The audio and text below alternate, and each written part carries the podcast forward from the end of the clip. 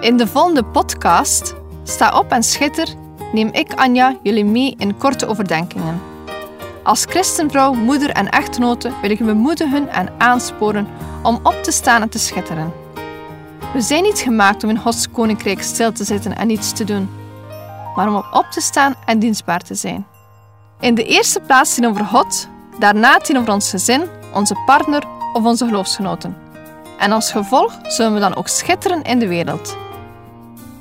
Neem je Bijbel bij de hand, want zonder Bijbel zijn we als een kok zonder eten of een zanger zonder stem. Dus luister naar, sta op en schitter. In de vorige uitzending had ik het over ons hart. Vandaag wil ik het hebben over vergeving. Vergeving is een belangrijk aspect in ons christelijk leven en heeft ook een positieve invloed op de gezondheid van ons hart. Het is voor veel mensen een moeilijk onderwerp, maar zoals ik al zei in de vorige uitzendingen, als je vertrouwen gaat stellen op God, gaan er dingen veranderen. In de handen van God kan een gebroken hart hersteld worden. Vergeving is iets moois. In Matthäus 6, versen 14 en 15 staat er: Want als u de mensen hun overtredingen vergeeft, zal uw hemelse Vader u ook vergeven. Maar als u de mensen hun overtredingen niet vergeeft, zal uw Vader uw overtredingen ook niet vergeven. Dit is een moeilijk vers om te verwerken. God staat klaar en bereid om ons te vergeven, maar vraagt dat we ook dezelfde vergeving aan anderen verlenen. Ik hoorde ooit een Bijbelstudie over het opkuisen van een geestelijke kleerkast.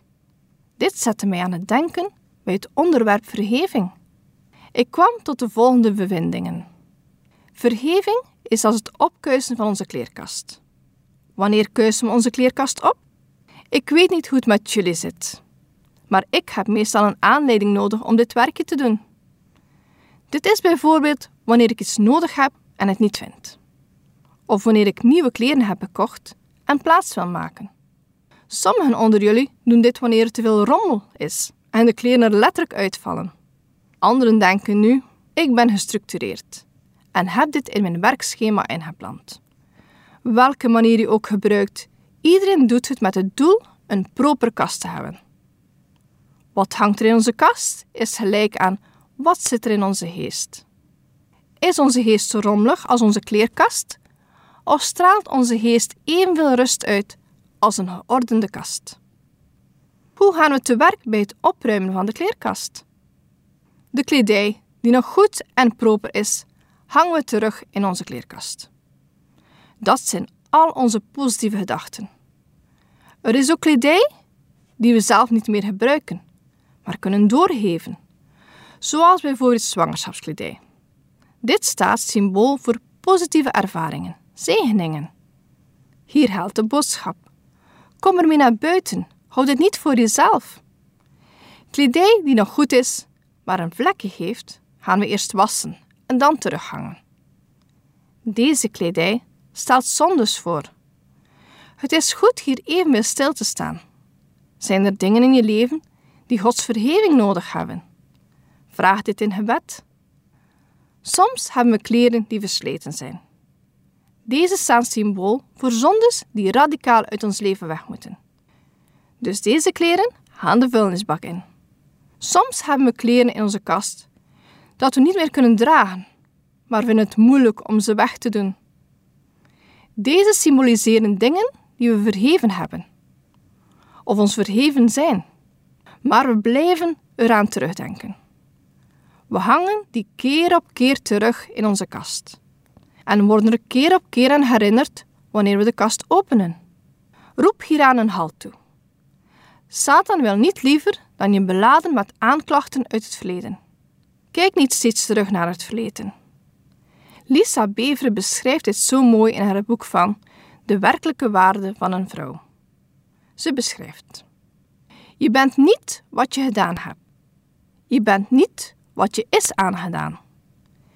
Je bent uit dat duistere gebied overgebracht naar Gods weg in het licht. Je waarde ligt niet in alles wat je gedaan hebt. Het gaat om wat Jezus voor jou gedaan heeft. Je bent niet langer een vrouw met een verleden. Je bent een vrouw met een toekomst. Wat een mooie beschrijving van Gods vergeving en toekomst. De Bijbel is zeer duidelijk: als je anderen niet vergeeft, zal je vader jullie misstappen evenmin vergeven.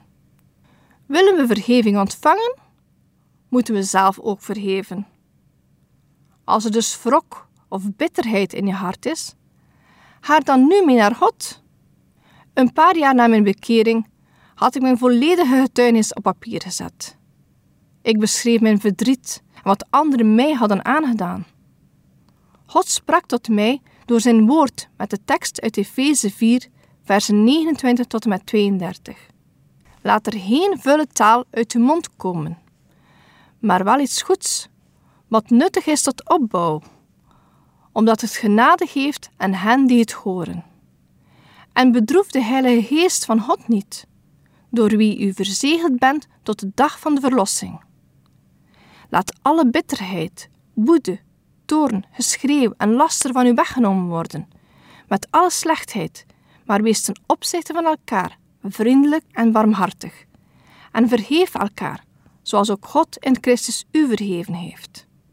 God sprak zo duidelijk dat ik moest vergeven. Niet alleen door deze tekst, maar ook mijn man gaf mij het advies.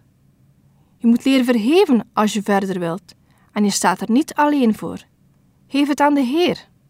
Ik zat met diepe wonden vanuit mijn vroegere leven, niet zichtbaar voor de buitenwereld. Ik wist dat ik moest vergeven, maar had geen idee hoe. Het werd een zware strijd. Ik leerde dat ik moest vergeven, niet om de andere persoon vrij te maken, maar om zelf vrij te komen. Er is een gezegde dat dit illustreert. Iemand weigeren te vergeven is als het drinken van rattenhif. Je vergiftigt je eigen lichaam wanneer je niet de stap zet naar vergeving. Vergeven is niet gelijk als vergeten. Je kunt jezelf niet dwingen iets te vergeten, zeker geen pijnlijke gebeurtenis. Bovendien kan vergeten in sommige gevallen van misbruik of bedrog gevaarlijke gevolgen hebben voor het slachtoffer. Vergeving is nodig voor ons welzijn. En ik mocht merken dat de slechte herinneringen na het uitspreken van vergeving geleidelijk aan vervaagden. Het is in het proces van vergeving zeer belangrijk om stil te staan bij de vergeving die we zelf ontvangen van God. Door deze vergeving staat ons toe anderen te vergeven. Het is ook een vrijwillige daad. Vergeving vereist verschillende stappen van loslaten. We besluiten om het te doen. We doen het. En soms hervallen we wel en moeten we weer besluiten en doen. Ons hart is geen computerprogramma die we zomaar kunnen herprogrammeren. Vergeven vergt soms een lange reis. Vergeving kan worden beschreven als het loslaten van het verlangen naar wraak en ervoor kiezen om op God te vertrouwen. Je kunt vergeven zonder het persoonlijk te zeggen tegen de persoon. Want vergeving is voor je eigen vrijheid. Ik wil een leuk verhaaltje lezen over vergeving. Twee vrienden liepen in de woestijn. Op een gegeven moment kregen ze ruzie en de een sloeg de ander. De laatste schreef, gepijnigd maar zonder iets te zeggen in het zand. Vandaag gaf mijn beste vriend mij een klap. Ze liepen verder en vonden toen een oase, waarin ze besloten te baden. Maar degene die geslagen was, verdronk bijna en zijn vriend redde hem. Toen hij bijkwam, graveerde hij op een steen: Vandaag heeft mijn beste vriend mijn leven gered. Degene die zijn vriend geslagen en gered had, vroeg hem: Toen ik je pijn deed, schreef je op het zand. En nu schrijf je op de steen. Waarom? Hij antwoordde: Wanneer iemand ons pijn doet, moeten we het in zand schrijven, waar de wind van vergeving het kan uitwissen. Maar als iemand iets goed voor ons doet, moeten we het in steen zetten, waar niets het kan wegvagen. Leer je kwetsuren op te schrijven in zand en de goede dingen te graveren in steen. Een positieve ingesteldheid is zeer belangrijk in het vergevingsproces. Er zijn veel misvattingen over vergeving. Vergeven is niet verdringen. Vergeven is niet het gedrag van de ander goedkeuren. Vergeven is niet je vrijheid opgeven. Vergeven is niet het herstel van de relatie. Wat is vergeven? Vergeven is loslaten van hoop dat het anders kan of anders moet. Vergeven is loslaten van alle boosheid, beschuldigingen en oordelen. Vergeven is loslaten van de pijn en het verdriet. Het begin van vergeving is het loslaten van de hoop op een beter verleden. Vergeving begint bij aanvaarden. Aanvaarden dat het gebeurd is, zoals het is gebeurd. Het is niet terug te draaien. De gebeurtenis heeft plaatsgevonden. De pijn heb je gevoeld en voel je misschien nog. En het is hard, maar het leven maakt je duidelijk: je kunt niet terug, je moet verder. Niet vergeven betekent dat je besluit te lijden. Mijn vergevingsproces start met het uitspreken van de woorden.